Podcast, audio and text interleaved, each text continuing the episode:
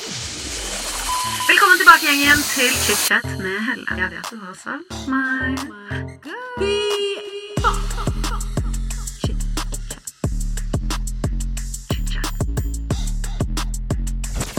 I dag får jeg modell og TV-personlighet Katrine Sørland inn i studio.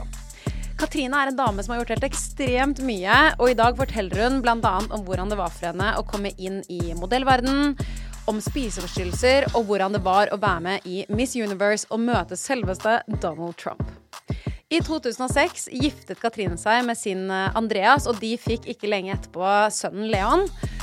Katrine forteller i dag ærlig og ufiltrert om den vanskelige tiden etter fødselen og om eh, fødselsdepresjonen hun gikk igjennom.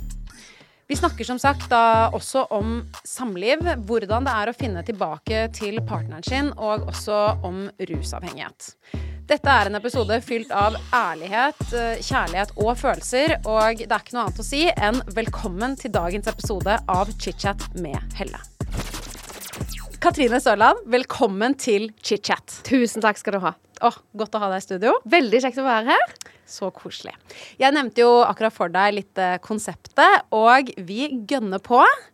Og eh, vi skal jo bli bedre kjent med deg i dag, og som kanskje mange allerede vet, så er jo du fra Stavanger. Jepp, det Yes. vet du. Beste byen. Bestebyen. Men du bor fortsatt eh, i Oslo og omegn, da? Det gjør jeg. Jeg bor på Nesøy i Asker. Så jeg har gjort det siste herren ja, en god del år. Hmm. Trives du? Veldig. Jeg sa faktisk til Fordi kjæresten min driver med boligutvikling, og han driver med et hus på Nesøya nå. Så jeg har vært mye der ute i det siste. Og der har jeg egentlig aldri vært før. Og det er et sykt fint område. Du, vet du hva? Det er så fint og idyllisk og vakkert. Jeg har en mann som driver med eiendom, eiendomsmegling sjøl. Så det er bare Vet du hva? Det er det et av de fineste stedene utenfor Oslo. Det er helt enig. Meg. Og spesielt på sommeren, med sjøen og vakkert. Ja. Åh, deilig. Ja. Deilig, deilig. Men vi hopper litt tilbake i tid, ja! og bare går rett på. Dine tidligste år, av det du kan huske egentlig, i Stavanger. Hvordan var oppveksten din? Ja, hvordan var min oppvekst? Godt spørsmål. Du, den var egentlig veldig trygg og fin. Fra Sola, litt sånn midt imellom eh, Stavanger og Sandnes, da, kan du si det. Sånn eh, Bygde-Norge. Vokste opp med blant syv-åtte bondegårder. Kulukt hver vår. Det er det beste vårtegnet for øvrig. Å komme ut av flyet når jeg lander hjemme på Sola og bare kjenne den der stanken av kudritt. Å, det er så godt! Alle var øh? Hva slags kjerring dette? Um, og trygg og fin og god. Veldig sånn uh, føl Føltes litt sånn beskytta, da. Uh, fordi at uh, Ja, hva kan man si? Det er liksom litt mindre sted, da. Ikke så Alt er ikke så voldsomt og mye. De små gledene. Eh, vi vokste opp sammen med en yngre bror og en yngre søster. Eh, Min yngre søster kom til verden da jeg var først elleve år, oh, så ja. hun er den attpåklatten. Ja. Ja, og min yngre bror han er tre år eh, mellom oss og to, så han eh, nå bikker han snart 40 sjøl. Godt å vite. I'm Sandra, and I'm just the professional your small business was looking for. But you didn't hire me because you didn't use LinkedIn jobs. LinkedIn has professionals you can't find anywhere else, including those who aren't actively looking for a new job but might be open to the perfect role, like me. In a given month, over 70% of LinkedIn users don't visit other leading job sites. So if you're not looking on LinkedIn, you'll miss out on great candidates like Sandra. Start hiring professionals like a professional. Post your free job on linkedin.com/people today. Life is full of awesome what ifs, and some not so much, like unexpected medical costs. That's why United Healthcare provides Health Protector Guard fixed indemnity insurance plans to supplement your primary plan and help manage out of pocket costs. Learn more at uh1.com. Quality sleep is essential. That's why the Sleep Number Smart Bed is designed for your ever evolving sleep needs. Need a bed that's firmer or softer on either side? Helps you sleep at a comfortable temperature? Sleep Number Smart Beds let you individualize your comfort so you sleep better together. JD Power ranks Sleep Number number 1 in customer satisfaction with mattresses purchased in-store. And now, save 50% on the Sleep Number limited edition Smart Bed for a limited time. For JD Power 2023 award information, visit jdpower.com/awards. Only at a Sleep Number store or sleepnumber.com. For dere bodde med både mamma og pappa? Bodde med mamma og pappa. Fint og hyggelig. Stort sånn, sånn Blokk Vatne-hus, eh, tre etasjer og hage eh, i bygge, byggefelt. Vi hadde veldig Hvert år så sånn eh, gratefest og med grillings og grilldresser og var, Vi lånte sukker av naboen, liksom sånn. Liksom. 'Katrine, bank på, lån kopp med sukker.' OK. Det var litt sånn der. Eh, hvis ikke mamma var hjemme, så var det alltid en nabo som kunne passe på meg, og jeg var jo Hadde jo ikke så mye barnehage. Jeg hadde dagmamma, og det var naboen da, liksom. Eh, Anna husker jeg hun hadde var så kul og hadde masse sånne, sånne fake sånne øredobber. Sånne klipsøredobber. Husker ja. som alle farger. Ja, Så hadde hun sånn alle farger i pumps. Jeg husker jeg gikk og stjal de og lånte de og hørte den lyden som klikket når jeg gikk på, på, på bakken. Og sånn. Hun var bare dødskul. Anna, ass. Og så, etter en stund, da, så begynte foreldrene mine å ha det ganske kjipt. Du merka den dårlige stemningen. Det var ikke noe hyggelig. Jeg rømte veldig mye til venninnene mine i en periode, når jeg var liksom på ungdomsskolen og oppover. Ja, for da var dere tenåringer. Da var jeg blitt tenåring, og så skilte mamma og pappa seg når jeg var 20. Og da hadde jo de vært sammen i mange år. Det er jo ikke så Mange som skiller seg så sent. Da hadde de vært sammen mange år, så det var nok Men på en måte så var det litt lettelse òg, for da hadde de gått igjennom ganske mange år. Gjerne ikke noe bevisst at de følte at vi kjente så mye på det, men eh, jeg kjente veldig mye på det. Eh, og den stemningen, du vet, når, når dine foreldre ikke har det bra, den merkes, og den er utrygg. Og ikke noe gøy. Så det var en del år som var prega veldig mye av det, eh, som, som, som jeg kjente jeg bar mye på, da. Som har prega meg den dag i dag, egentlig. Så de skilte seg da jeg var 20. Da rømte jeg vekk. eh, Bodde mye hos eh, min eh, kjæreste. Jeg var veldig guttegæren. På et tidspunkt hadde jeg faktisk På et tidspunkt, Da var jeg veldig ung igjen, og da går vi tilbake til barneskolen. Da hadde jeg tre kjærester på en gang. Jeg elsker det. Og så husker jeg måtte sånn Jeg måtte tenke sånn Hvis jeg gikk hjem fra skolen med den ene, så måtte jeg passe på å ta én rute som, som han andre ikke kunne se. se Å, du var skikkelig rundbrenner. Prøvde å snike deg rundt i Er det mulig? Men jeg husker liksom han ene var liksom sånn kul i klassen, og sånn. han andre var med sånn trygg og god. Han tredje vet da søren hva han var. Han bare kom inn på sidelinja, jeg vet da søren, jeg. Jeg elsker dette. Barneskolen, ass. Gode minner. Barneskolen, ja. Og, og det var så vondt. Ja, og så, å, det var kjipt sånn barneskolekjæreste. Jeg var jo veldig sjenert da eh, når jeg var ung. Og jeg husker at det, det, var, det var en i klassen som var sånn døds Liksom alle digga han, liksom. Ah, var han, og veldig mange jentene bare likte han, og så ble jeg sammen med han da. Det var siste året på, på barneskolen. så husker jeg det var det var en dag han bare liksom heiv seg over meg og fant ut at nå skal vi kline, eller noe sånt. Var det det første kysset ditt? Ja, jeg vet da søren hva det var, men han hadde sikkert fått med seg at det var kult, eller sett noe på et eller annet MTV, eller whatever, og bare Plutselig fikk jeg sånn tunga langt ned i drøvelen, og jeg bare Og så husker jeg bare tenkte at nei, det, det var ikke det. Og så husker jeg, tror jeg at han syntes det var at jeg var veldig daud og skikkelig kjedelig. Så og det var noen dager etterpå, så hadde han plutselig blitt sammen med av meg da i klassen. Altså- hun var litt kulere og sikkert litt flinkere og kline. Jeg dør av den tiden i livet når man er sånn syvende inn i åttende, Åh, første ja. kysset, og man ikke vet egentlig hva som foregår, man vet ikke hva man skal forvente, og så er man litt sånn ja. Det var, vet du, jeg husker at jeg syntes det var så fælt å være så sjenert og usikker. For den jenta jeg er i dag Jeg skulle ønske liksom jeg kunne liksom bare gått og fortalt hun og bare slapp av, være kul, liksom. For jeg husker jeg så sånn opp til mange av venninnene mine som var sånn kule kunne tørre liksom, rekke opp hånda i klassen og bare si 'Dette kan jeg'. Jeg husker mange ganger, selv om jeg liksom hadde gjort Jeg var ganske flink på skolen og leste og hadde strenge foreldre.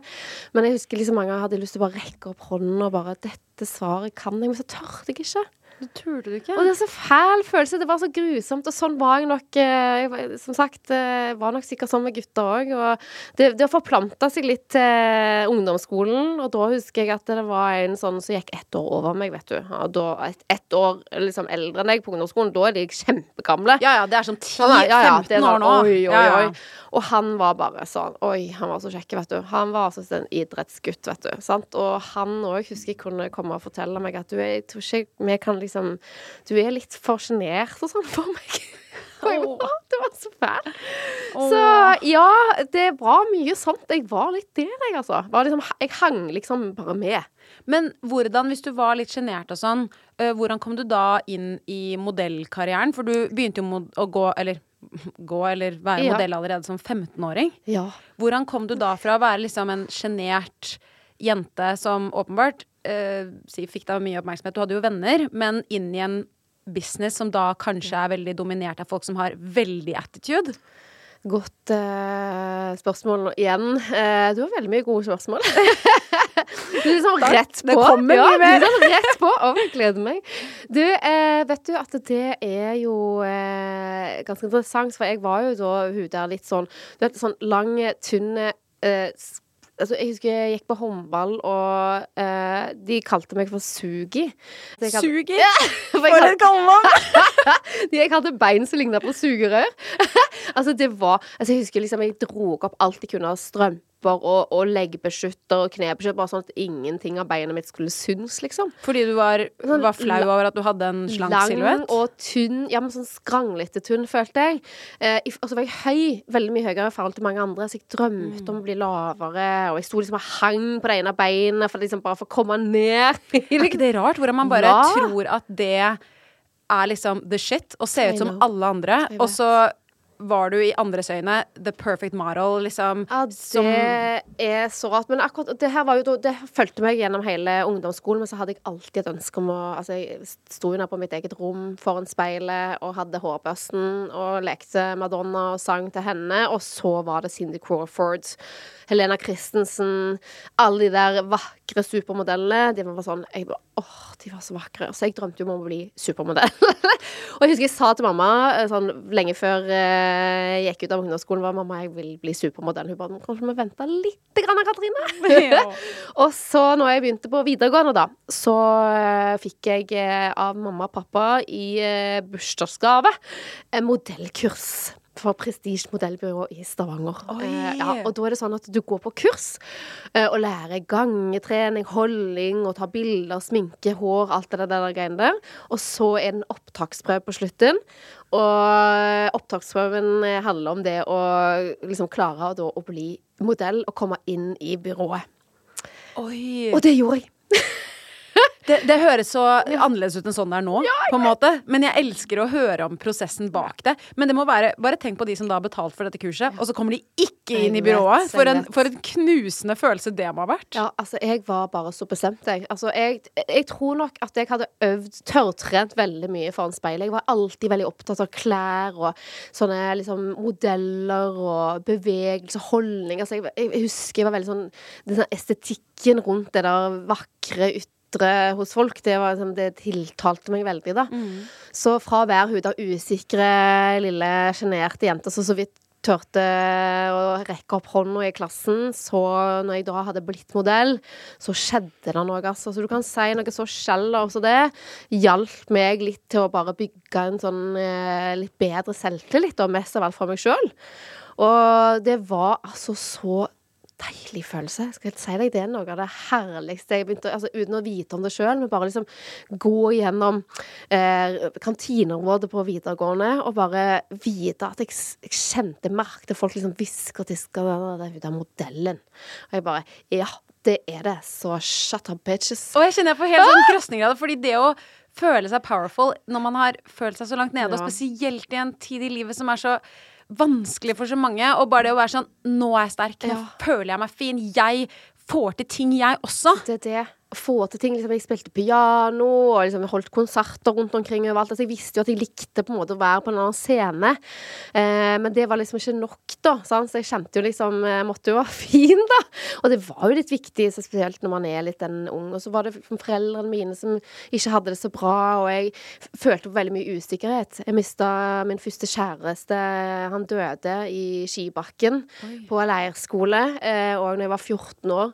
Og det var en sånn grusom, forferdelig Det hørtes helt nå, åh, Ja, det var så fælt. Vi var på leirskole hele klassen, og så var det rett og slett Vi var oppe i skibakken en kveld, og det var skikkelig, skikkelig dårlig vær. Og så, så falt han, da. Eh, og, og klarte å bare ramle på magen nedover og treffe en rot. Eh, så nå knakk liksom leveren i to, mer eller mindre, og døde av indre belødninger der og da. Og det var så Du vet når du er liksom blitt sånn forelska sånn ordentlig for første gang, og bare ser hele framtiden klart for deg, så liksom det, Jeg fikk en sånn ordentlig knekk av det. Det var så forferdelig tid etterpå. Og det i tillegg til foreldre og alt av usikkerhet, så jeg liksom husker at jeg bare Det var en sånn en fin opptur, da, å få den her eh, bekreftelsen på at ja, ja, uansett, du er i hvert fall fin nok til å være modell, du, Katrine. Ja, at du, du også kan komme deg steder, Ja. og du er sterk nok i deg til å få til det du vil. Ja, og så ble liksom gutta begynte å legge merke til Å ja, hun modell, og det, jeg, jeg følte plutselig så kom det en sånn teit oppmerksomhet som jeg da kjente at jeg trengte, da. Eh, og det hjalp meg til å bli litt mer tøffere i meg sjøl og tørre og, og stå litt mer på egne bein og si hva jeg mente, og skinne i kraft av meg sjøl, da. Det skjønner jeg. Men eh, begynte du å jobbe da mye som modell? Gikk det utover skolegangen Nei din? da, Eller var det var først jo etter skolen du Etter skolen, ja. Det var Ja. liksom etter skolen. Jeg er altså, det, modell hjemme i Stavanger på den tiden. Det var sånn motvisninger på lokale kjøpesentre og fine, hyggelige antrekk eh, fra butikkene og liksom kul musikk og Det var liksom det var det største for meg. Hver fredag så hadde vi altså motevisninger eh, på Kvadrat kjøpesenter, som er liksom det største kjøpesenteret i Stavanger og omegn. Og det var altså en så fantastisk opplevelse. Jeg traff jo da mine beste venner er jo fra det modellbyrået. Sant? Der hadde vi liksom, fikk jeg så gode venner, og vi hadde det så gøy. Og vi liksom hadde så mye felles interesser med dette her med klær og sko og sminke og hår, og det var så kjekt. Og så husker jeg så godt at det var veldig mange som kom og så på, da. Så du føler jeg bare når du står på den scenen da, og går, altså power. Altså Den følelsen det ga meg, var helt fantastisk. Og jeg skjønner jo det, og samholdet med liksom, Hvis du fikk nære venner der, Ja. så er det liksom den derre Ja, det blir jo som den største aktiviteten, da, for de som noen driver med idrett, noen gjør det det. andre ting. Dette var var, det. din greie. Og så var det aldri sånn kroppsfokus på den måten da. Sant? Det var aldri sånn eh, Å, du må slanke deg inn i den størrelsen å ha på deg dette antrekket. Da, da var jeg liksom naturlig slank uten å tenke så mye på det. Det var aldri snakk om det da, eh, på den tiden. Og jeg husker jo at eh, husker, Men, men så, man feiler jo og prøver jo. En av de første gangene jeg skulle gå catwalk, da, så var det Altså, jeg husker jeg, var så, jeg følte meg så kul. Jeg hadde sånn skikkelig kul sånn eh, norgeskofte. Hadde noen skinnskjørt og noe greier. Og så en sånn svær sånn pelsdott på hodet. Eh, og så skulle jeg gå ned gjennom, så plutselig bare så kom jeg ikke lenger på scenen. Midt på scenen så ser jeg ned, så ligger hele skjørtet ned med anklene. Og det bare dotter helt rett ned. Og så verste var at mamma hadde sånn trusvaskedag. Så jeg hadde jo den støgeste tru- bestemortrusa med hull i ræva! Å, fytti faen. Altså, det var så flaut. Å, herregud, hvor gammel var du da? Nei, da var jeg ikke gammel, jeg var 16 eller Å, noe sånt. herregud, ja. dette er jeg Ah! Altså, 16-åringen i meg dør. Ja. Altså, bare tanken på Ja, men tenk det. deg det, da. Og, så, og, så, og alle sto og så på. og så bare, jeg bare dro det elegant opp og smilte videre. Så tenkte jeg sånn Her, Katrine, takler du dette her, så takler du det meste. Ja, det er helt enig. Men da er det bare sånn klare opp med hendene og bare Ja, ja, det går fint, men den trusa, den irriterte meg jo, så den kasta jeg med en gang. Ja, det altså. skjønner jeg. Bare ja, minnet med den trusen Ja. var sånn og det er jo rart at jeg ikke har kassa, men jeg er jo sånn som elsker sånne Apropos truser, elsker sånne truser som gjerne er sånn seks-syv år gamle, litt sånn utvaska, de gode og myke. De er ennå i skuffa mi, altså. Sorry, Jeg tror alle har det. Ja, men det er Jeg det beste. føler at alle har det. Ja, ja. Ja, ja. Og så, som du sier, de blir så myke. Ja, men de Blir er jo de det så beste. mye? Gjerne litt sånn halvhåler og litt sånn, så det har jeg aldri helt slutta med. Men uh, jeg viste aldri de fram lenger, i hvert fall ikke når jeg skulle gå visning. Men så ble det hyggelig. Jeg var ute og reiste litt i Milano uh, noen, uh, noen år. Altså ikke år, men etter skolen, da, i sommerferie og sånn. Eh, fikk jo en skikkelig boost av det. Eh, men det som skjedde, i forkant, var vel gjerne ikke så hyggelig. Det er en sånn scouter da, som kom til modellbyrået i Stavanger og sa at ja, Katrine, du, vi vil gjerne ha deg til Milano. Ah, kult. Du må bare gå ned fem-seks kilo først. Ok, for da begynte det. Fordi Yes. jeg tenkte sånn du var jo modell, Ja. og det startet godt på start, altså 90-tallet.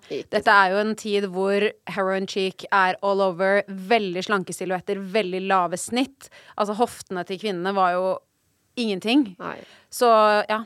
Det var akkurat den verste perioden egentlig du kunne være modell i. Og jeg husker så godt at han var fem-seks kilo. Da hadde jeg aldri tenkt på hvordan kroppen min skulle se ut. Eller på, et vis, Altså, jeg har aldri tenkt på det. Og 50 kilo er mye. Eh, det er skammye. Ja. Så det var liksom sånn eh, Hæ? Hvordan skal jeg gå ned Hvordan gjør man det? Altså, sånn, det var helt sånn nytt for meg. Så bare eh, så, så tenkte jeg ja, ja, nei, men altså Og så begynte det bare Jeg begynte å løpe hver kveld, og liksom jeg tenkte hvis trening var en sånn bra greie Så det var jo flott at jeg gjorde det. Men jeg begynte å spise Jeg hadde en sånn usunn periode der jeg begynte å spise makaroni og ketsjup. Uh, for det så jeg på som sunt. det er så tullete. Er ikke det lættis når man har sånne ting? Det var skikkelig ja. sunt, liksom. Og så hadde jeg eh, dessverre ei venninne som eh, var òg veldig sjuk. Hun hadde anoreksi på det tidspunktet, og jeg husker utrolig nok at jeg ble veldig inspirert av at hun klarte å la være å spise. For hun ble tynnere og tynnere, og jeg syns jo det var veldig vakkert, jeg, da. Og bare jo tynnere du ble, jo penere eh, så hun ut. Og jeg bare åh, ble sånn åh, hvordan klarer du det? Jeg klarte vel aldri helt å slutte å spise, så jeg gikk den andre veien, dessverre. Og begynte å kaste opp mat. Eh, og gjorde det veldig heftig en periode. Eh, så over et ja, et, på et år så gikk jeg ned sånn ti kilo, og det er ganske mye. Så jeg var liksom ikke Jeg er 75 høy, og jeg tror jeg var liksom rett over 50, 50 kilo. Så det var da, var da var jeg Da var jeg skranglete og skral. Men du vet at det ga jo da, Det var jo bra når jeg kom til Milano, vet du. Men jeg, allikevel der så var jeg stor.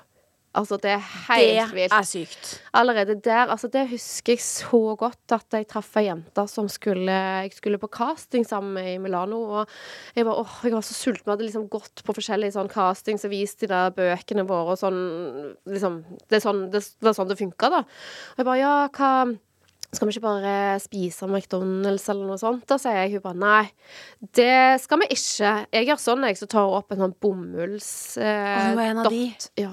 Og så bare spis, tar, tar hun, eh, spiser bomullen, og så sluker hun ned med vann. Og så bare sånn, da er jeg mett. Jeg bare hæ?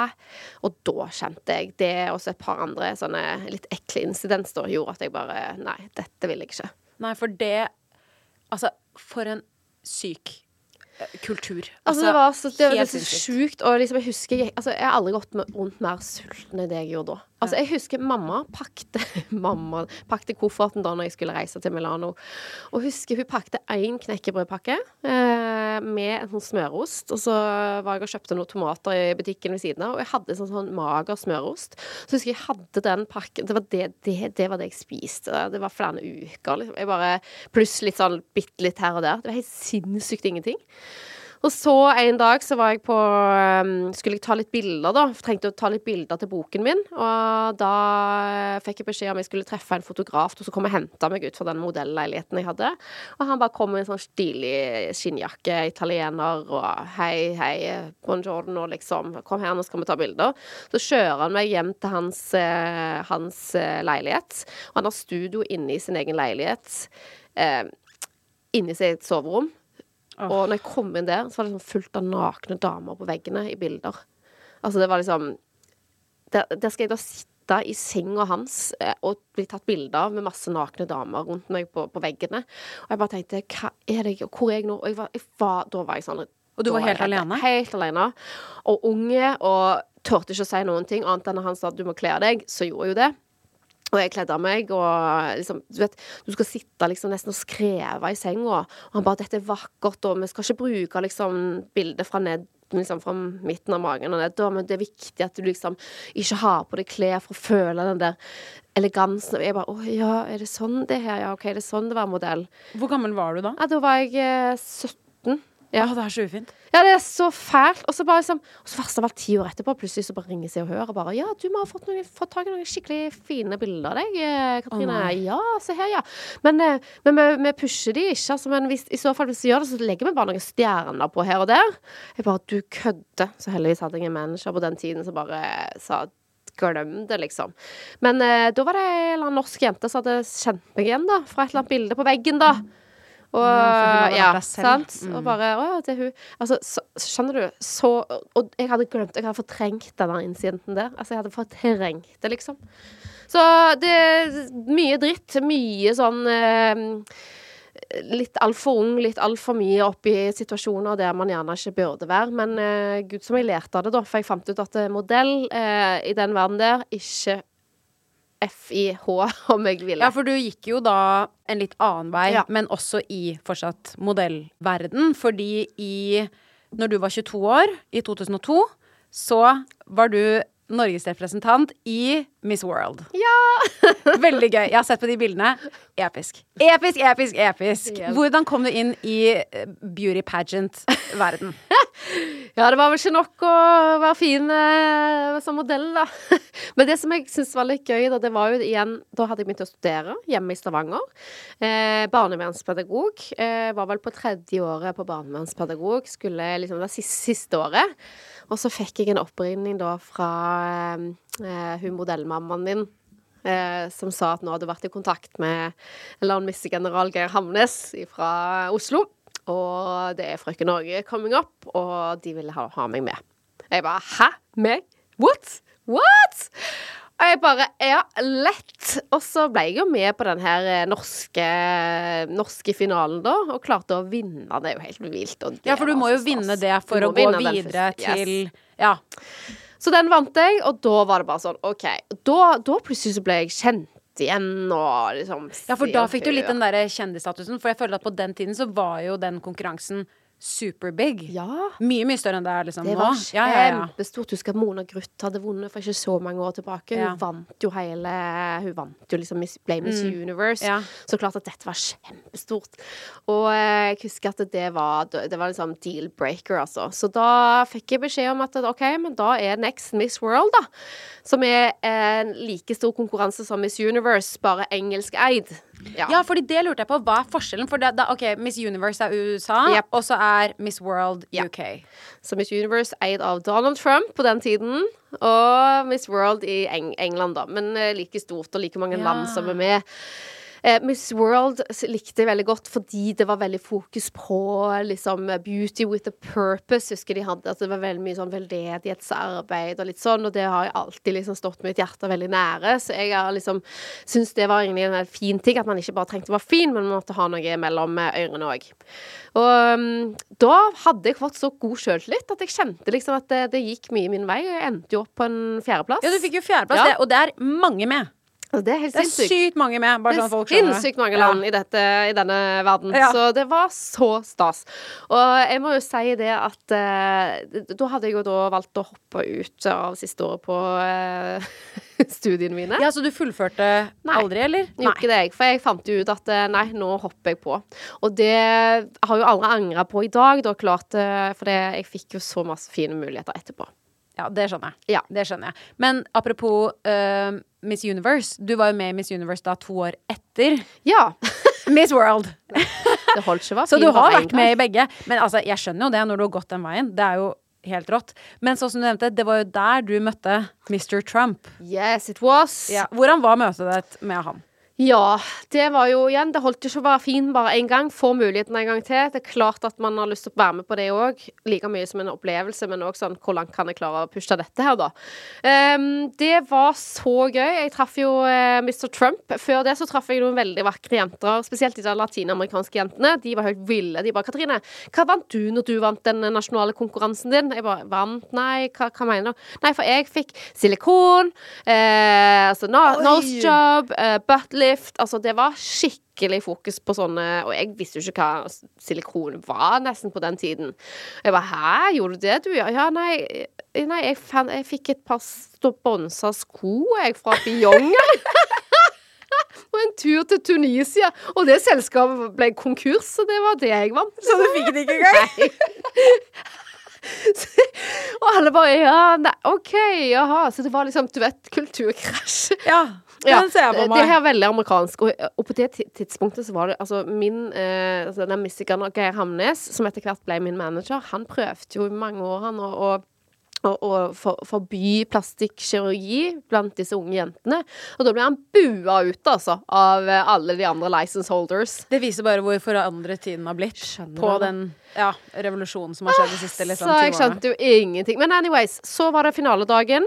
Ja. Og eh, når det er finaledagen, så har eh, da Mr. Trump, som er eier av hele Miss Universe på denne tiden Er han det fortsatt? Ikke, det? nei, Nei. ikke lenger.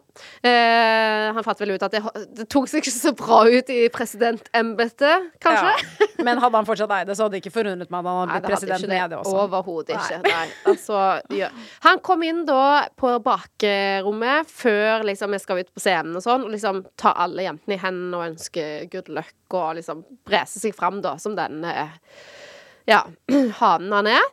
Og eh, da kom han til lille Norge, da. Han bare ah, 'Norway!' Jeg bare 'ja, hello'. Og var litt starstruck, da. Det må jeg jo ærlig innrømme. Og han bare 'ja, do you know Selena Middelfart?' Jeg bare 'yes, I do'. Jeg, visste, jeg kjente jo ikke, men han var jo da sammen med henne. Oh, ja, det var den ja, tiden. de- det var det. Mm.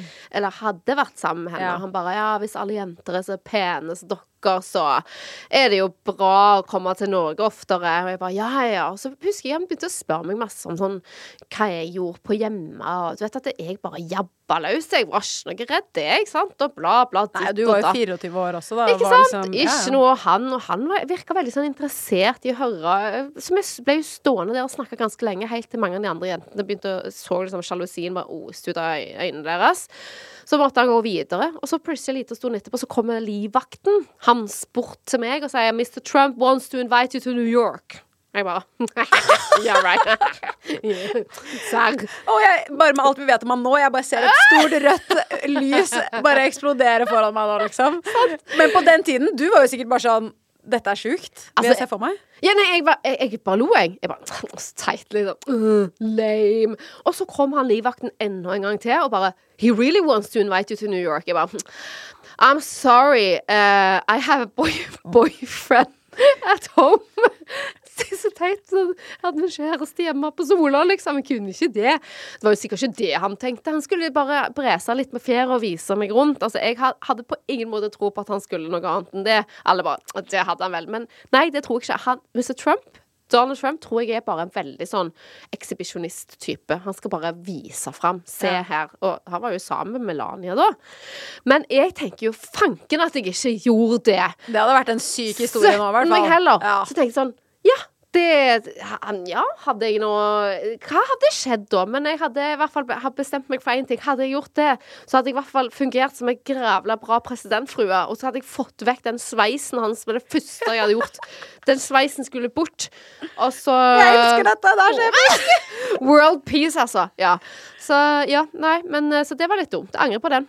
Ja. Ja. Men uh, fortsatt en helt sjukt bra historie. Ja, ja, herregud. Jeg hadde jo kjæreste hjemme. Jeg kunne jo fader ikke bli med Donald Trump. Hva i all verden? Det, I love it. Men under eh, med Miss Universe så delte du også rom med Gal Gadot. Ja. Er det sånn man sier det? Gal Gadot, ja. Ja, og Mm. hun, for de som ikke vet hvem det er direkte, det er hun som spiller eh, Wonder Woman i Marvel. Yep. Altså en helt uh, sinnssykt kul dame. Ble dere venner?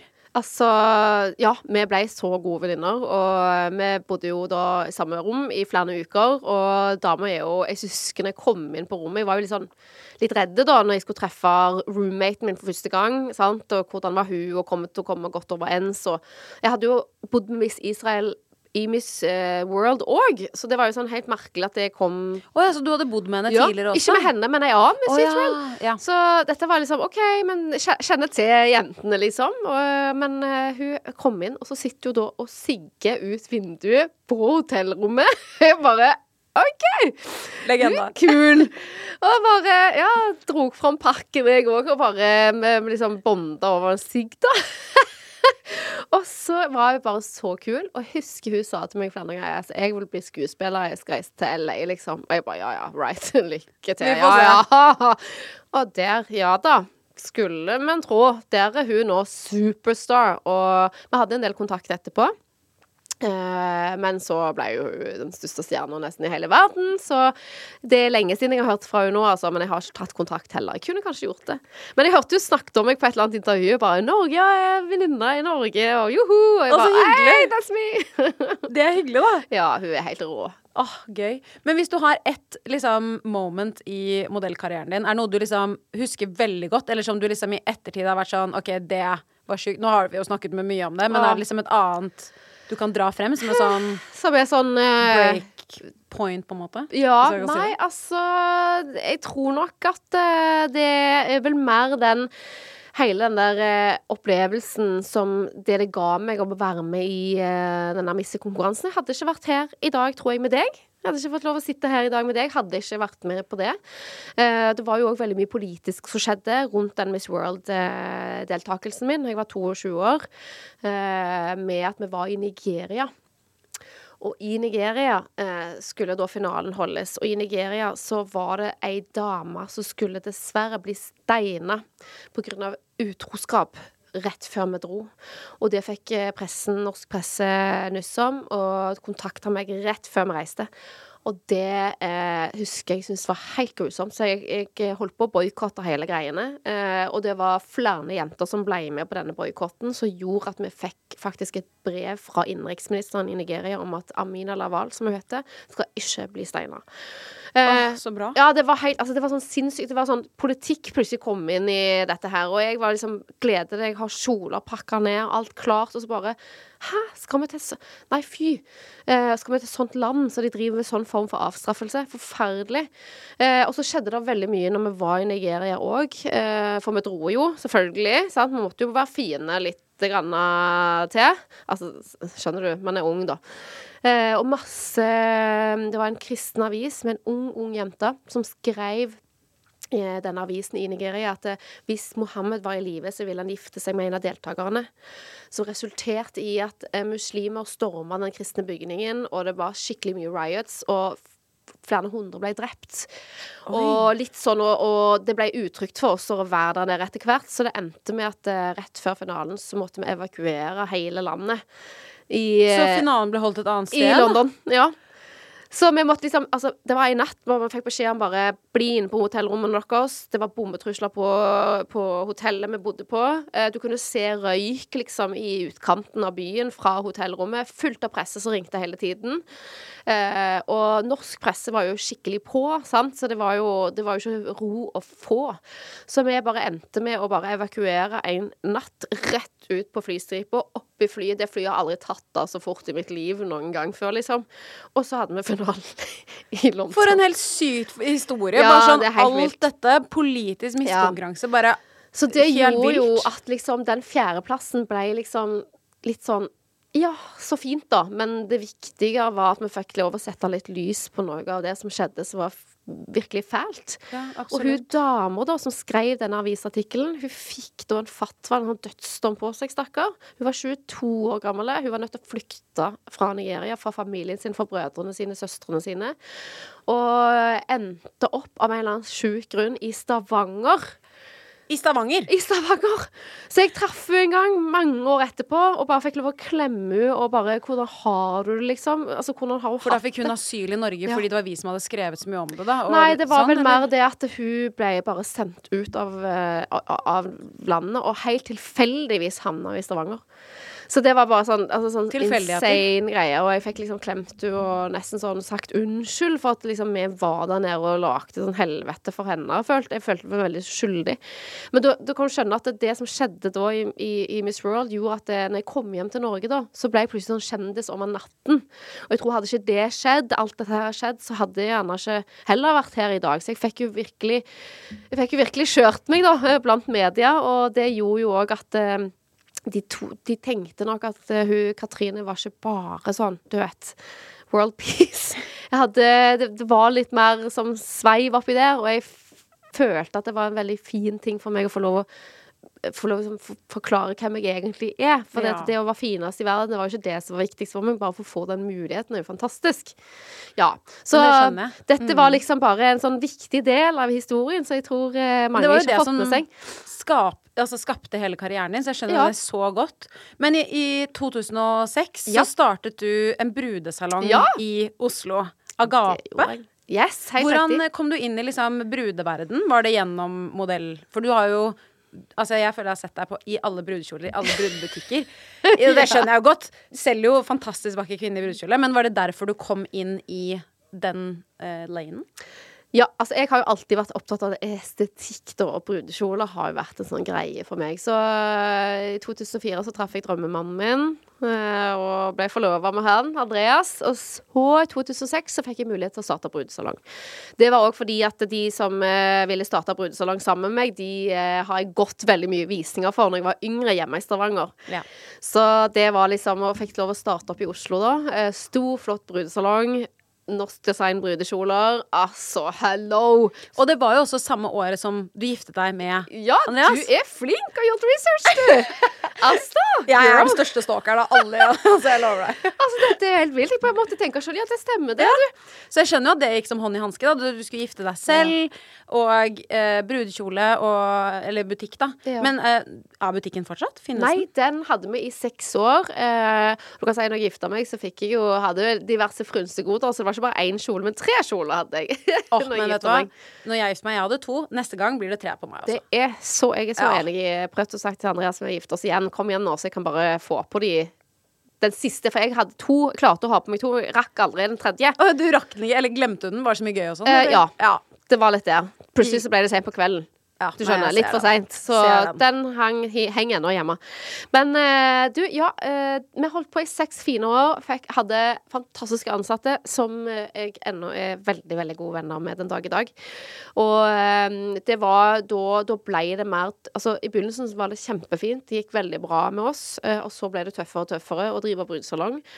Og så skjedde jo dette her med Jeg husker helt på slutten så skjedde dette her med den bombingen, vet du, i Oslo. Med Anders Behring Breivik. Og rett rundt hjørnet så holdt du med til. Så hele vinduet vårt ble blåst ut. Den dagen der. Og jeg husker da begynte det allerede Da hadde det allerede begynt å gå ganske dårlig med butikken. Eh, det var lite omsetning. Vi hadde stort lager. Det var vanskelig. Folk var ute og reiste istedenfor å dra til Norge og finne brudesalong. Sant? Det var mye faktorer som spilte inn, da. Og så kom dette. Altså det ble liksom bare sånn skikkelig downer rundt det området. Det var jo nesten ingen som hadde lyst til å gå der engang. På lang tid. Nei, sant? men det. Så det var tungt å gå den uh, vanskelige veien til tinghuset og slå oss konkurs. Det var forferdelig, og det kom i nyhetene, og det var skikkelig, skikkelig kjipt. Det var en av mine sånn skikkelig downer i livet den gangen, å bare føle at nå har du mislykkes. A lot can happen in three years, like a chatbot may be your new best friend. But what won't change? Needing health insurance. United Healthcare Tri Term Medical Plans, underwritten by Golden Rule Insurance Company, offer flexible, budget friendly coverage that lasts nearly three years in some states. Learn more at uh1.com. There's never been a faster or easier way to start your weight loss journey than with PlushCare. PlushCare accepts most insurance plans and gives you online access to board-certified physicians who can prescribe FDA-approved weight loss medications like Wigovi and Zepbound for those who qualify. Take charge of your health and speak with a board-certified physician about a weight loss plan that's right for you. Get started today at plushcare.com slash weight loss. That's plushcare.com slash weight loss. plushcare.com slash weight loss. Hey Dave, Yeah, Randy. since we founded Bombus, we've always said our socks, underwear, and t shirts are super soft. Any new ideas? Maybe sublimely soft. Or disgustingly cozy? Wait, what? I got it. Bombus. Absurdly comfortable essentials for yourself And for those facing homelessness. because one purchased equals one donated. Wow, did we just write an ad? Yes. Bombas. Big comfort for everyone. Go to bombas.com slash ACAST and use code ACAST for 20% off your first purchase. Men er det, ikke, er det ikke rart hvordan der og da følte du deg mislykket? Men Ja. det gjør jo også at du får tid til andre muligheter. Og du har gjort masse annet etter det. Og også rett før eh, dere gikk konkurs. Du fikk jo sønnen deres Ja. i 2009. 2008. 2008! Bra! Du, altså, ja, du vet hva, dette Men det var på slutten av 2008, Ja. da, så du hadde ja, nesten rett. Nesten. Nesten. Du, 2008 så kom eh, Leon, og det var jo helt fantastisk eh, graviditet. Nydelig. Jeg var så frisk, jeg, vet du. Jeg var på jobb, jeg, fram til the bitter end. Jeg sto på T, hadde TV-intervju jeg den dagen jeg hadde termin. Ja, ja, ja. Sykt. Det er Altså, det, sykt. var ikke snakk om. Altså, og da kan du tro at hun Sørland fikk litt av sjokk da når ungen kom ut, og jeg hadde levd hele livet mitt som sånn selvstendig næringsdrivende og kunne nesten planlegge dagen min sjøl. Bestemme mye sjøl. Og du hadde brudesalongen, Og hadde du hadde liksom masse baller i luften. Men husk at selv om jeg hadde brudesalongen, så hadde jeg jo fulgt opp mye opp utenom. Sant? Jeg var jo nødt til å, å liksom jeg, jeg tok ikke ut ei eneste krone i lønn til den brudesalongen. Jeg måtte jobbe utenom sant? for å liksom òg få masse blest inn til brudesalongen. Alt det vi fant på jord. Altså, herregud. Jeg syns vi var flinke, ass. Og ikke minst alle altså, TV-opptredener og Jeg husker hadde TV-prosjekt going on når jeg fødte Leon, sånn at seks uker etterpå jeg hadde fått han, så skulle jeg ut i TV sammen med Halvor Bakke og gjøre Norges styggeste rom. Altså, dette er jo helt sykt. Det kan jo Altså, når du sier alt dette, og du holder på med så mye samtidig, så Ja. uh, kan jeg jo forstå nesten også litt hva det reflekterte i. For du har jo snakket en del tidligere om at du gikk jo i en fødselsdepresjon. Ja. Ja. Vil du fortelle litt om det? Ja, altså, det var Altså, det var så altså, det, jeg, kjenner jeg liksom blir sånn sint, egentlig, når jeg tenker på det og skal snakke om det. For jeg skulle ønske at jeg kunne vært mer åpen om det sjøl der og da, til mine nærmeste i det minste, for å fått litt hjelp. Nei, det, er, det her er typisk meg. Nei, det går fint, jeg klarer meg, det er ingen problem. sant? Holder mye inne, sant? Og sånn som jeg har liksom alltid gjort hele livet. Skal liksom være hun der sterke, kule supermom.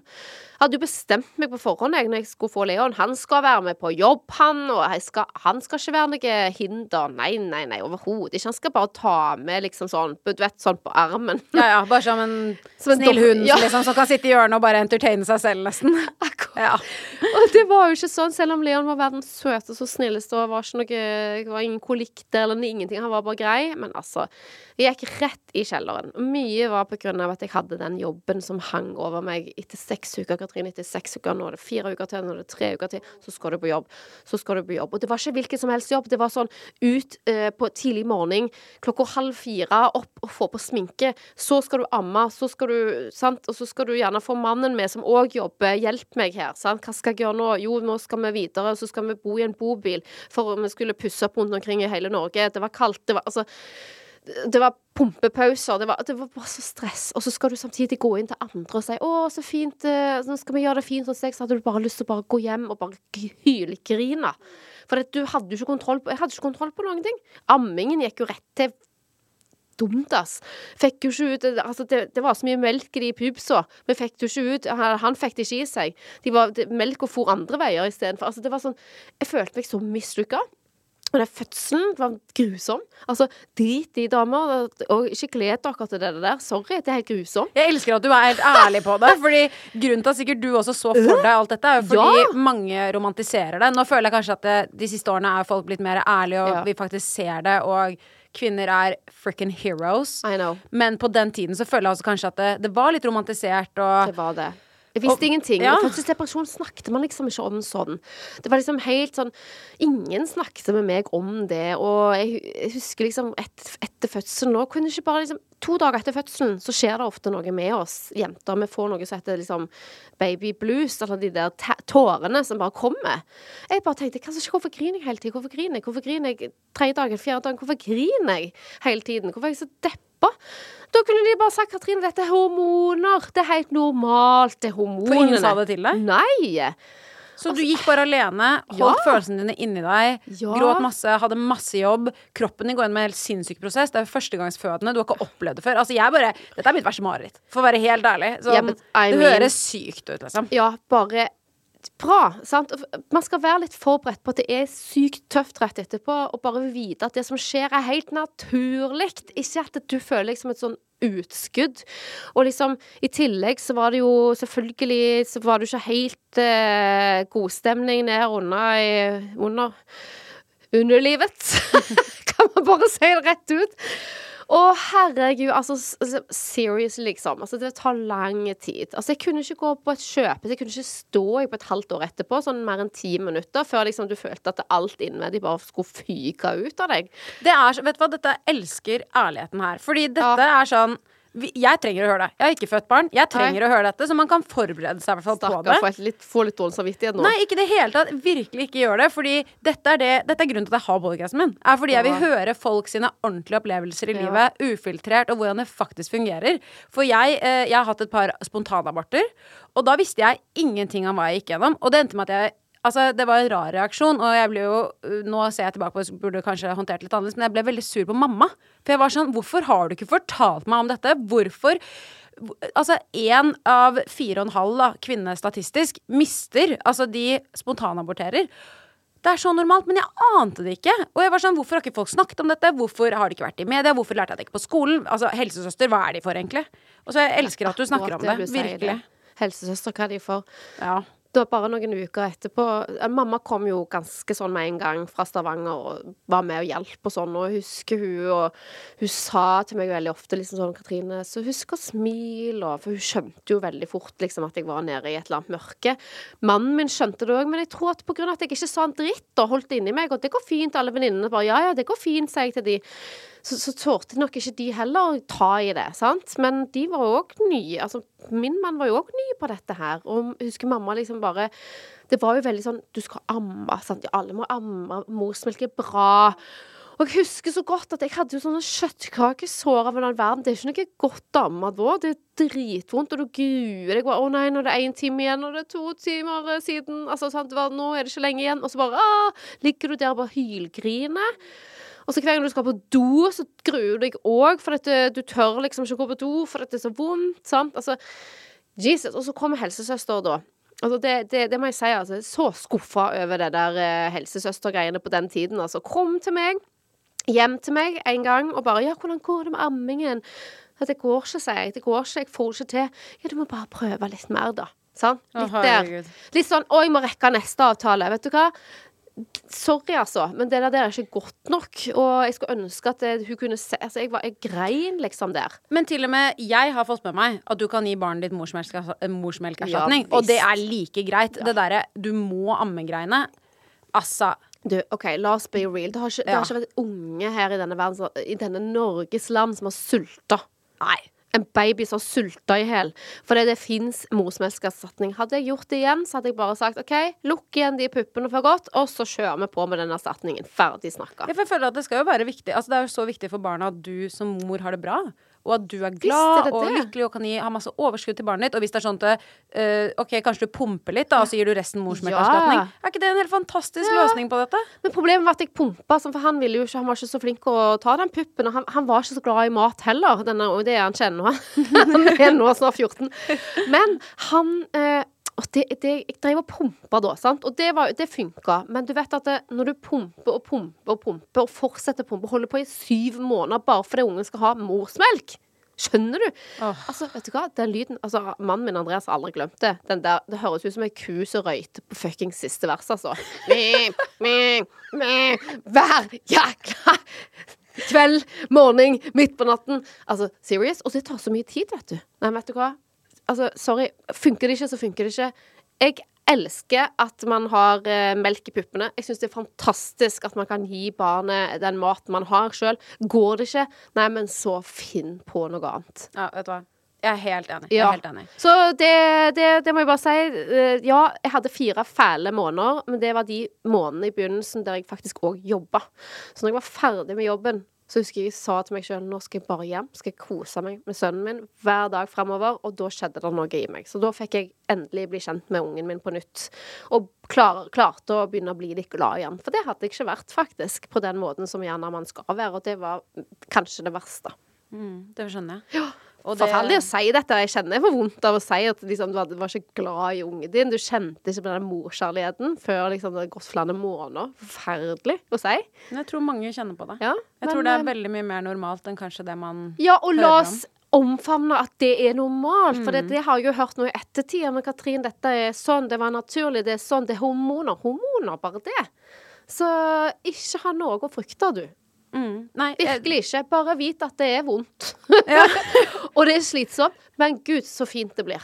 Altså, Det blir så Å, fint. det blir så Ja. fint. Å, herregud, du aner ikke. Altså, håret, håret Nå står Jeg har ikke så mye hår på armene, men nå, står de For den første dagen når Leon lå ved siden av meg, og så sa han 'Jeg elsker deg, mamma'. Altså, du vet at det, da Ja.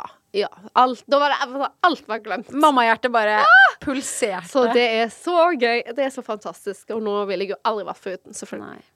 Nei, men så fint. Men hvor lenge eh, varte Følte du at liksom fødselsdepresjonen din gikk over da Eller begynte å jobbe seg gjennom det mer da, når du sluttet eh, å jobbe? Ja, det gjorde det. Eh, Jeg merka at det, det var godt for meg å kjenne at jeg faktisk gjorde en god jobb på jobb, i det minste. At du hadde noe som du var god til. For jeg følte at jeg, mammarollen takla jeg på ingen måte. Jeg var sjalu på mannen min. Fordi at han var så flink med Leon. Eh, han hadde han mye mer med på jobb enn jeg. Altså, mannen min hadde min unge mer enn det jeg hadde de første månedene, og det, det kjennes, altså.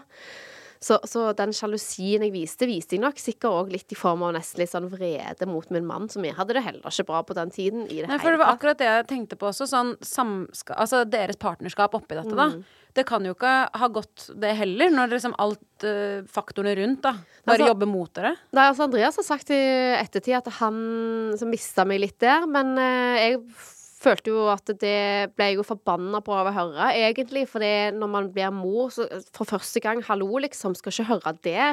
Men eh, det han mente, var jo mer det at vi hadde jo bare vært oss og to, sant. Og så plutselig så blir du tre. Og det er ikke bare bare heller. Og det skulle jeg òg ønske at jeg kunne gjerne få litt info om, eller noen fortalte meg at det er en prosess. Man må være litt tøffe med hverandre og tåle at man kan ikke være din, den kjæresten man vil være i begynnelsen. Fordi man har blitt mamma, og man har blitt pappa. Den naturligste tingen i hele verden. Men det var jeg Vi, hadde nok litt for høye forventninger, og det var i begynnelsen gikk veldig fint, egentlig, sånn sett. For vi var veldig sånn Jeg syns vi, vi klarte å takle denne foreldreskapet ganske fint, men det gjorde at den intimiteten vår, den nær, nærheten heller, mer sagt, den forsvant ganske fort og over lengre tid. Eh, En snakker ikke om sex, for det har man ikke man, eh, med en gang etter man føder, men jeg snakker om denne nærheten. Så hele pakken, da, liksom Ja. bare det å faktisk være nær hverandre. Ja. Eh, hvor lenge var det da? Nei, altså det var jo Du vet at når du da går i deg sjøl i ditt eget hode og har det ganske kjipt og ikke snakker, så er det lettere, vanskeligere å komme tilbake til den gode følelsen som man hadde da. Så vi gikk nok litt mer på hver vår kant og tenkte ting, men vi funka som foreldre, og det gikk veldig fint, det, altså. Men så tok det såpass lang tid. Altså, sant, at det, altså, det høres sjukt ut at jeg sier akkurat dette her nå, men å få Leon var det verste som kunne skje også som par. Og det er Altså, jeg, igjen, jeg får skikkelig vondt. Jeg tror ikke jeg har sagt det høyt noen gang før.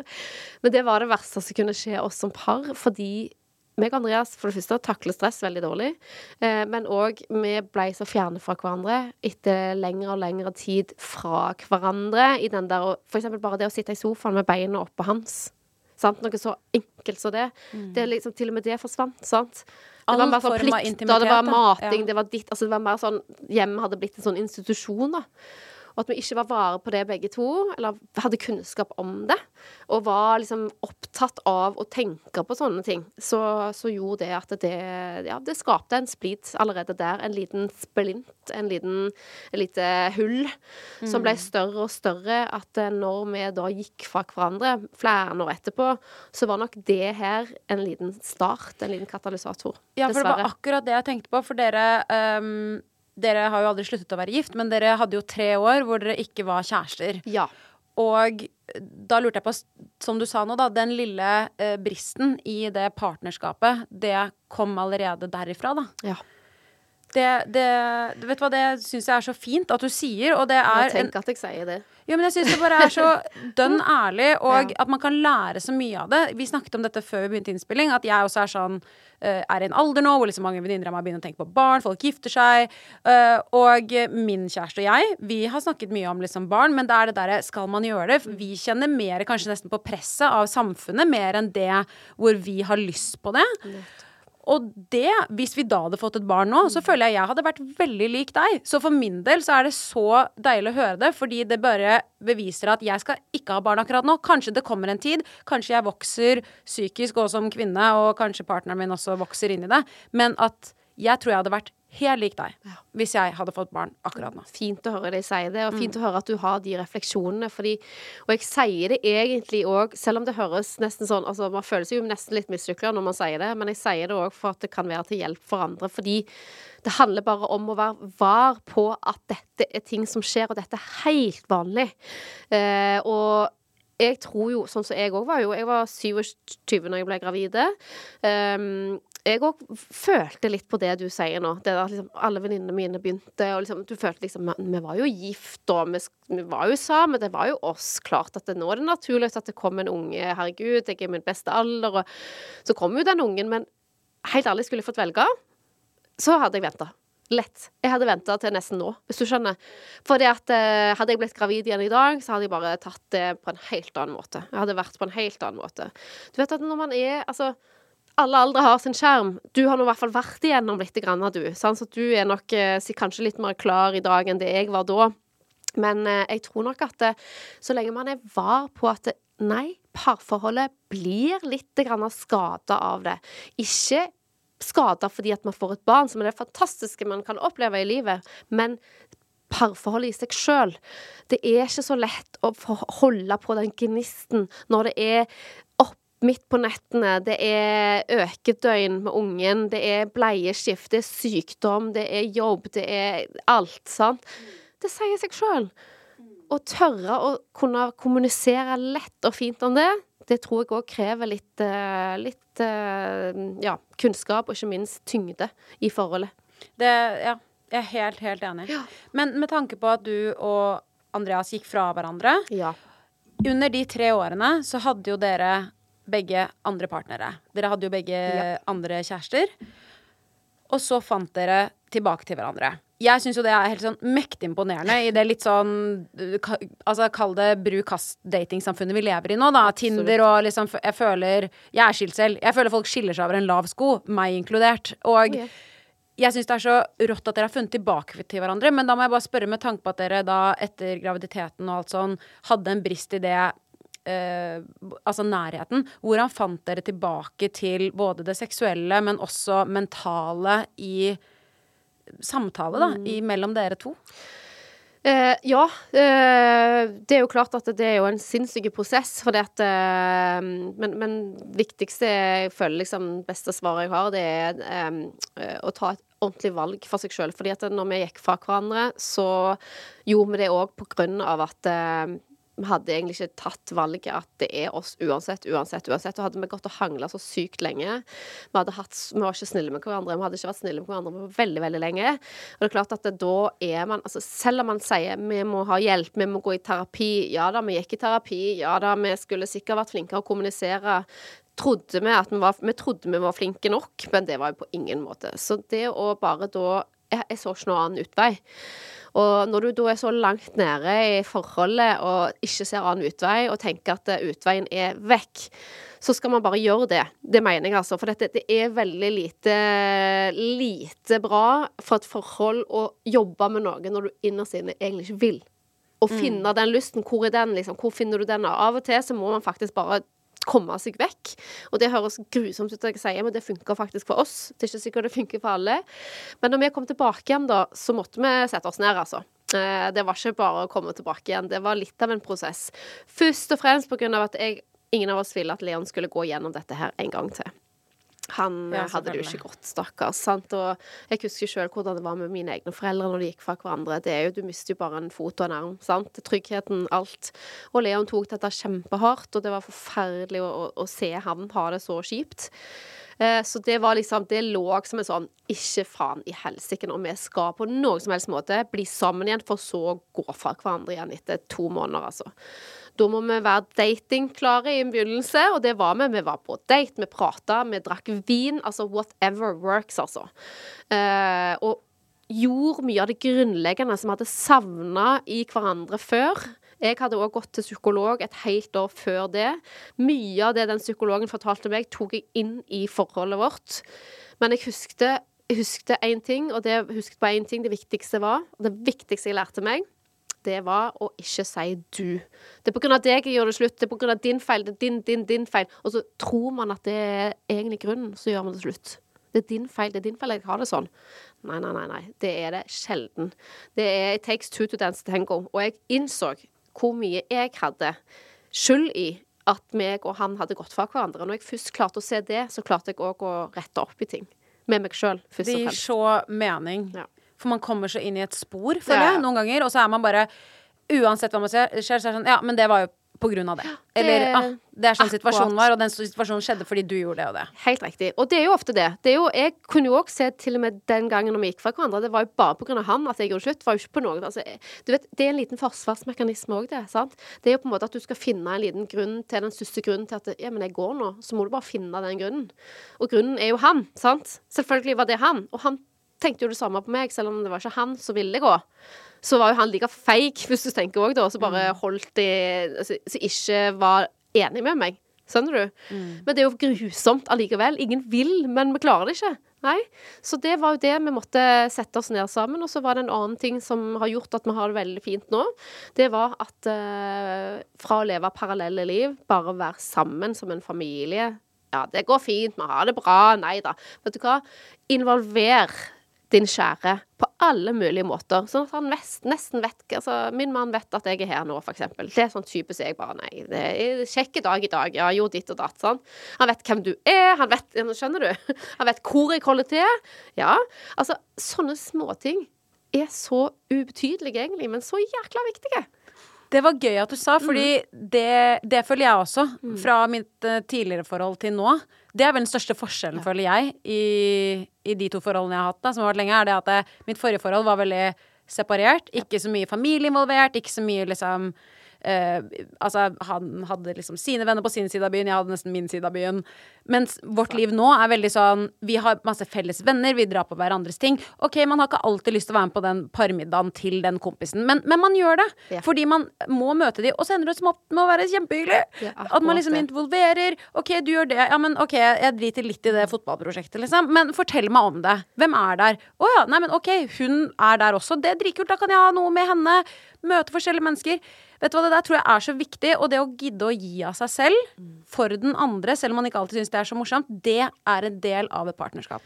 Og det du sier der, er helt riktig. Det å gi og egentlig uten forventa få noe igjen, det er jo ekte kjærlighet. Det er det egentlig det betyr, og jeg tror det der Veldig mange lever i parallelle verdener som et par, med barn, uten barn, og glemmer litt hvor viktig det er å altså, jeg sier, altså, jeg sier ikke altså, Hvis mannen min sier du, nå skal jeg på et guttetur Nei, det får du ikke lov til, jeg skal være med. Nei, nei, nei. Altså, vær så god, ha dine greier, liksom. For all del. Eh, og, men, men at det, men pga. at vi er såpass involvert i hverandres liv, så er det òg lettere for oss å gå tilbake igjen og snakke om det som var kjipt. Det som kan bli bedre. Altså, vi har hatt nye Ja, vi har hatt egne liv i tre år før vi ble sammen igjen. Eh, mange spør meg nesten hvordan i all verden takler du det? Og liksom, er du sjalu? Og han hadde en ny dame og yngre enn deg, og du vet. Ja, men eh, sånn han òg sier så fint. Jeg òg kunne blitt dritsjalu på deg, Katrine, men at eh, jeg hadde ei dame, og du hadde en type Ja, men jeg kunne jo ikke Altså, hallo, liksom. Det er litt voksent, altså. Grow the F up. Og bare tenk heller hva er det det viktigste egentlig for dere? Viktigste for meg er å vite at eh, han vet at jeg har tatt et valg, og det er han, og det er han for evig. Og så jobber du for det. Ikke snu deg rundt og ikke lek med eh, Don't play with fire, liksom. Bare konsentrer deg om det. Gi han den tryggheten. For da får du han rett tilbake igjen. Garantert. Mm, velg det. Ja. Stå ved valget ditt. Yes. Og så, når du har tatt det valget, så er det ikke noe Fiks annet. Og vet du hva, da blir liksom alle sånne småting som har irritert oss over før, krangler og sånn, altså de er bare sånn De, bare, de funker ikke liksom lenger. De er ikke der. Altså jeg kan få lov å rase fra meg nå, og han bare Ja, vær så god, liksom. Og så er det bare sånn OK, hei. Ikke noe langsint der. Og det hjelper jo òg alt sammen. Alt fra intimiteten vår til hvordan vi har det med andre, hvordan vi er med oss sjøl, hvordan vi er overfor Leon. Så det har vært en, litt av en prosess å komme der vi er i dag, men vi har tatt den tiden det har måttet ta. Nei, det, dere er jo Jeg syns det som sagt er mektig imponerende. Jeg syns det er helt rått. Og Vi har drukket sykt mye vin, for å si det Ja, sånn. Ekstremt mye vin. Altså, det er snakk om date nights fire kvelder i uka, altså, og jækla hangover gjerne dagen etterpå, men det har vi måttet. For dette, jeg er ikke sånn som sitter klin edru bare Du, nå skal vi snakke. Nei, hvis det- jeg må ha litt vin, jeg. Sorry. Og det må jeg. Og det Altså, date nights Jeg sier det bare. Noe av det viktigste du gjør i et forhold. Nei, men det tror jeg òg. Sett av tid. Og bare lag tid. Sett av tid. OK, vi alle har en hektisk hverdag. Vi alle har egentlig ikke tid til det. Helt. Men bare gjør det. Det er Gjør viktig. det. Og det her er så teit og råflatisk, men bare gjør det. Mm. Kjør på med en date night midt i uka. kverk ei lita flaske vin i sammen. Jeg sier ikke at det, man trenger ikke bli alkis for det, vel, men det er så fint. Eller gjør, drikk brus, whatever. Altså, gjør hva som funker, men bare gjør noe annet enn den hverdagen. Ja. Nei, det var veldig fint. Og det som også er veldig imponerende i alt dette, så gikk du jo gjennom noe privat også. Du har jo snakket om dette også blant annet i podkasten til Ida med hjertet i hånden, men eh, du opplevde jo en ulykke hvor du knuste tåen din. Ja. Eh, og det reflekterte i at du fikk eh, smertestillende piller som du ble avhengig av. Og det var jo denne situasjonen og dette med avhengigheten skjedde jo også da under disse tre årene, hvis jeg forstår rett. Og hvor du selvmedisinerte med smertestillende, som er veldig normalt. Um, nok. Vi ser jo dette ikke, men folk holder det hemmelig, og du har snakket litt om det. Og jeg må bare spørre da, lever du nå Nå er du jo av pillene, som du har snakket om. Men lever du fortsatt med det at du savner den rusen, hvis jeg kan være så ærlig? Ja, da skal jeg være så ærlig tilbake og si ja, det gjør jeg. Eh, ikke like mye som eksempel bare for et år siden, men eh, jeg ennå der at eh, jeg kan ikke ha sånne piller i hus, for å si det sånn. For hvis jeg har en litt dårlig dag, og jeg har, vært, jeg har jo vært igjennom en sånn ganske heavy depresjon, som egentlig har pågått sikkert flere år og flere lengre tid enn det jeg har trodd. Og jeg er ennå nok ikke helt ute av den, for jeg kan få litt sånne backflash-dager liksom, igjen der jeg bare kan nesten ville bare ligge i senga. Nå vet jeg hvordan jeg skal deale med det, og nå vet jeg hvordan, liksom, hvorf- hvorfor det blir sånn av og til. Eh, men men eh, sånne piller kunne fint vært en sånn liten rescue for meg da. Og ennå nå. Så jeg eh, er ikke fri fra de sånn psykensmessig, men jeg er fri fra de psykiske. At jeg kjenner ikke den trangen til å liksom ville ha de planlegge at nå skal jeg ta den da og da og da. Og det stoppa umiddelbart når jeg traff Andreas igjen, faktisk. Eh, høres jo ganske sjukt ut, men jeg tror at det var fordi at det forholdet jeg har med han, det Jeg trengte ikke det da. Det var, jeg ville ikke at han skulle Altså, han kjenner meg så godt, det var sikkert det. sant? Så at han var en sånn politi, da. Så jeg Fortalte du han om det også? ja, Ja. eh, jeg var jo veldig åpen om det i boka mi, så jeg skrev da rett før jeg traff Eller begynte å bli sammen Eller date han igjen. Eh, og det er klart at den Det fikk han vite i boka, egentlig. Eh, men da snakket vi ikke så mye sammen. Men eh, vi har prata veldig mye om det i ettertid. Så jeg har vært helt ærlig med han og sier at sånn, sånn funker jeg. Og det å tørre å si sånne ting om seg sjøl Jeg føler jeg ikke så veldig høy i hatten, liksom. Bare ikke ha noe hev- Altså, disse smertestillende morfintablettene, da, de, de, de, skal, de kan vi ikke ha i hus, bare enkelt og greit. Så jeg håper bare at på en eller annen måte at jeg ikke blir sjuk igjen sånn ordentlig. Eller at jeg får sånn enormt vondt et eller annet sted som gjør at jeg må bruke de. Ja, selvfølgelig, for da får du jo prescribed det. Ja, jeg blir livredd. Ja. Altså, da, men da har jeg bare bestemt at da får jeg gå uten. Men eh, da må jeg også bare spørre, fordi du nevnte også i et intervju tidligere i år med Se og Hør at du var også utfor en annen, på en måte en ulykke, da, hvor du slo hodet ditt i baderomsdøren, hvis Ja. jeg forstår rett. Og da fikk du et kutt som gjorde at eh, det, eh, det vokste ikke hår der mer. Ja. Og som også har da reflektert i at du har tatt en hårtransplantasjon. Yes. Men med tanke på det kuttet må jo ha vært helt sinnssykt dypt. Hvordan taklet du det da med tanke på smertestillende? Ja, det var jo samme tid. Eh, i de, det var jo òg i de årene jeg ikke var sammen med, med Andreas. Og, og kjenne at liksom hår altså sant, Når du får et sånn stort R, og R gjør jo altså Det vokser jo ikke noe i et R. Og når du bare kjenner at liksom hår liksom bare, du kan bare liksom, Og det falt vekk rundt R òg. Det var helt grusomt. For det er i da panneområdet Det er ditt, her rett oppi er- i pannefestet på denne siden her. Ja. Og det var altså så forferdelig å, å kjenne på. At liksom, og, og at ikke hår Altså, hår det er dritviktig. Hallo, meg kanskje ikke hår. Og så er det jo rett, det er jo ansiktet ditt. Du pekte jo på Ja. venstre siden av liksom rett over brynet Mm. ditt, nesten, Ja. i hårfestet. Rett over brynet. Og så altså, de, altså, heldigvis hadde jeg en uh, svigerinne som eh, jobber på Apollo-klinikken, som er en sånn H der, eh, i Stavanger, der, du, der hun hjelper alt fra kreftpasienter til alle mulige slags uh, personer som har hårissues, eller liten hårvekst, eller har uh, forskjellige sykdommer som gjør at de trenger ekstra hår. Så hun utstyrte meg med sånn hårdel, som er sånne, som, sånne klips, altså egentlig sånn extensions, men bare sånn hel, hele del som du setter over hodet. Så det er ikke som en parykk? Nei, det blir, ne det blir sånn nesten-parykk, da. Ja. Man er ikke like stor som en parykk, men det var, jeg hadde jo hår bak, liksom. Jeg egentlig hadde ganske mye hår, men det var liksom foran. Verste stedet ever. Så utstyrte vi med, med, en sånn en periode. Så tenkte jeg sånn Herregud, skal jeg gå med sånn? Og så var det sommer, det ble varmt. Altså jeg bare Herregud, det er helt jæklig, liksom. Og det er så varmt.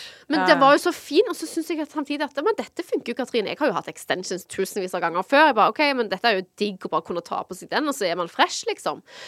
Men det er noe med det der å kunne liksom Sant? Så skal du føle deg fin, og så hadde du sånn jækla sånn runding med ikke hår. Ja, fordi når du eh, tar en sånn Ja. ehm, hårtransplantasjon, så må du jo også shave rundt området Ja. hvor du skal gjøre det, så det blir jo på en måte enda mindre hår. Ja, så altså det var jo òg grusomt. Det var faktisk en stund etterpå. Eh, jeg eh, fikk tilbud om å gjøre en sånn hårtransplantasjon. Jeg bare ja, det kommer ikke til å funke. For ja, det, det funker ikke. Men så gjorde jeg det, da. Da fjerner de ganske mye hår bak i, liksom, bak i, ho ho i hodet. Eh, I bakhodet. Eh, sånn ca. 3-4 centimeter, eh, og ja, kanskje 8-10 centimeter langt. Å ja. Eh, Men heldigvis hadde jeg jo hår over, så du kunne ikke se det. Men altså, det var ekkelt å være sånn helt barbert bak. Så tar de ut det håret, altså de hårrøttene, og så setter de det da inn i eh, Altså fra donorområdet, så setter de det inn i det som ikke er. Kan de da sette det inni arret også? Ja, det var det de gjorde. Altså, kan jeg bare si Det er teknologi er helt vilt! Og i tillegg til det så tok jeg noe som heter PRP-behandling, som er en sånn eh, slags eh, altså, stamceller Eller ja, hvis du, skal si det heller rett ut sånn, du tar egentlig blod, ditt eget blod. Altså, det her er så sykt kult. Altså, men de, de tapper blod som en blodprøve, så sentrifugerer de det blodet. Og så det fettet som ligger over blodet etter du har sentrifugert det, det stapper de inn i en rundt erre. Det er Og den de- som ser ut som en sånn Det ser ut som en stor pistol. Ja. Og så det. har det Det ser nesten ut som laser, Stemmer men, eh, men den, den trykker det inn i stedet. Stemmer det. Ja. Det er friske celler, da. Og friske celler trenger man jo i et arr som er dødt. Sant? Så det bare boostet Så growthen. det boostet Ja. growthen, og så var det denne transplantasjonen. Og det tar jo en god del eh, Det tar jo et år før liksom håret Men plutselig så, så jeg at det begynte å vokse. Jeg bare Du kødder, du kødder. Det vokste, det vokste, det vokste. Så jeg hadde jo hårdel på meg mens det vokste under, men det, nå er det Nå har jeg liksom Nå er det, ja Sånn pannelugg-size langt eh, blitt. Altså, jeg hadde aldri ja, nå kan jeg tenkt dra over det det. bak. Ja, ja, ja. Og, ja, ja, Så det er jo Jeg så happy. Takk og lov for det finnes det. Og vi kvinner skal ikke vi få lov? Altså, hår er så viktig for oss. Ja, ja, ja. Masse jenter som har lav hårvekst, eller har punkter i håret der det ikke vokser. Igjen, jeg bare sier det, en sånn type behandling fins her i dette landet. Bruk det. Ja. Investering. Men eh, jeg er glad for at du deler om det, for jeg føler at det er litt sånn tabubelagt. Det. Spesielt. Også, man har alltid liksom hørt om menn som tar det, men Ja, ja, ja. ikke kvinner. For kvinner har jo liksom så tykt og fint hår. Jeg har extensions til akkurat nå, jeg. Jeg bruker jo Altså, extensions fordi jeg jeg har veldig tynt nordisk hår. Det gjør at jeg ser veldig mye fresh ut, syns jeg. Det er Men altså, fantastisk. hva skal man ikke få lov å jukse, eller? Hallo, jeg har hatt så mye extension, men jeg, i mitt, jeg har aldri hatt tjukkere hår. Nå skulle jeg faktisk ønske jeg kunne vise det, men nå er det bare sånn Jeg måtte ta det opp i dag, for jeg har ikke dusja. Jeg, har- jeg, har ikke Vi alle er der. Jeg har bare kattevask i dag. Og så var det bare så Altså, det har blitt så tjukt av denne PRP-behandlingen, som det heter. Altså, det har, det har blitt dobbelt så tjukt. Altså, jeg trenger ikke en Sykt. extension mer resten av livet. I kid you not. Så det fins muligheter annet enn extension by the way. Det visste jeg ikke. Og jeg, liksom, jeg har jo jobbet i beautybransjen i mange år, og jeg visste faktisk ikke at det, Det var sinnssykt. så bra. I Men herregud, helt Men, eh, ja, nå skal rått. ikke jeg sitte her og gjøre masse reklame for det, men jeg bare sier det. Det fins masse muligheter for uh, hår, altså hårvekst hos jenter som Altså, som jeg er helt Altså, jeg er et levende bevis på at jeg har hatt tynt, pistrete hår så lenge jeg kan huske, og nå er det bare sånn, tre ganger så tjukt som det. Jeg tuller ikke. Ja, men Want to get a chiseled look in the jawline? Sculpt and shape your jawline with added volume from Juvederm Volux XC. Juvederm Volux XC is an injectable gel specifically designed to be robust enough to improve moderate to severe loss of jawline definition. And it is the first and only hyaluronic acid filler approved for the jawline. Add volume to your jawline for a chiseled look with Juvederm Volux XC. For important safety information and to find a licensed specialist, visit juvederm.com. That's J U V E D E R M.com. Not for people with severe allergic reactions, allergies to lidocaine, or the proteins used in Juvederm. Common side effects include injection site redness, swelling, pain, tenderness, firmness, lumps, bumps, bruising, discoloration, or itching. There's a risk of unintentional injection into a blood vessel, which can cause vision abnormalities, blindness, stroke, temporary scabs, or scarring. Talk to a licensed specialist to find out if it's right for you. Visit juvederm.com. That's J U V E D E R M.com. Hey, it's Paige DeSorbo from Giggly Squad. High quality fashion without the price tag? Say hello to Quince. I'm snagging high end essentials like cozy cashmere sweaters, sleek leather jackets, fine jewelry, and so much more. With Quince being 50 to 80% less than similar brands. And they partner with factories that prioritize safe, ethical, and responsible manufacturing. I love that. Luxury quality within reach. Go to quince.com slash style to get free shipping and 365 day returns on your next order. Quince.com slash style. Nydelig. Det er helt vilt. Ja, det er helt nydelig. Ok, jeg, Nå har vi snakket om liksom, så mye du har fått til, og jeg kunne tatt opp så mye mer, men vi må snakke litt om, om fremtiden også. Ja. Du har jo oppnådd helt sykt mye. Du har jo, som du også nevnte, bitte litt, men vi har ikke snakket så mye om det. Men du har vært i masse TV-programmer. Du har som sagt jobbet lenge som modell, hatt salong. Men hva, hva er planene dine for fremtiden? Har du noe du har lyst til å oppnå, eller er du liksom på et godt sted nå, tenker du? Altså, jeg har alltid tenkt at uh, min tid har ikke kommet ennå, den. Jeg elsker det!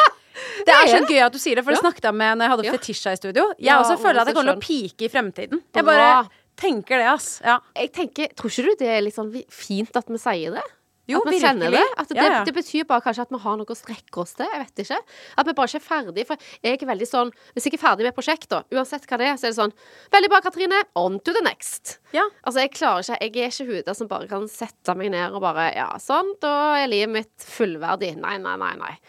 Og det tror jeg Det gjelder tror jeg veldig veldig mange her ute. Og uansett hva man gjør, så tror jeg det er viktig å ha den holdningen. Sant? Å være litt sånn sulten på livet, da.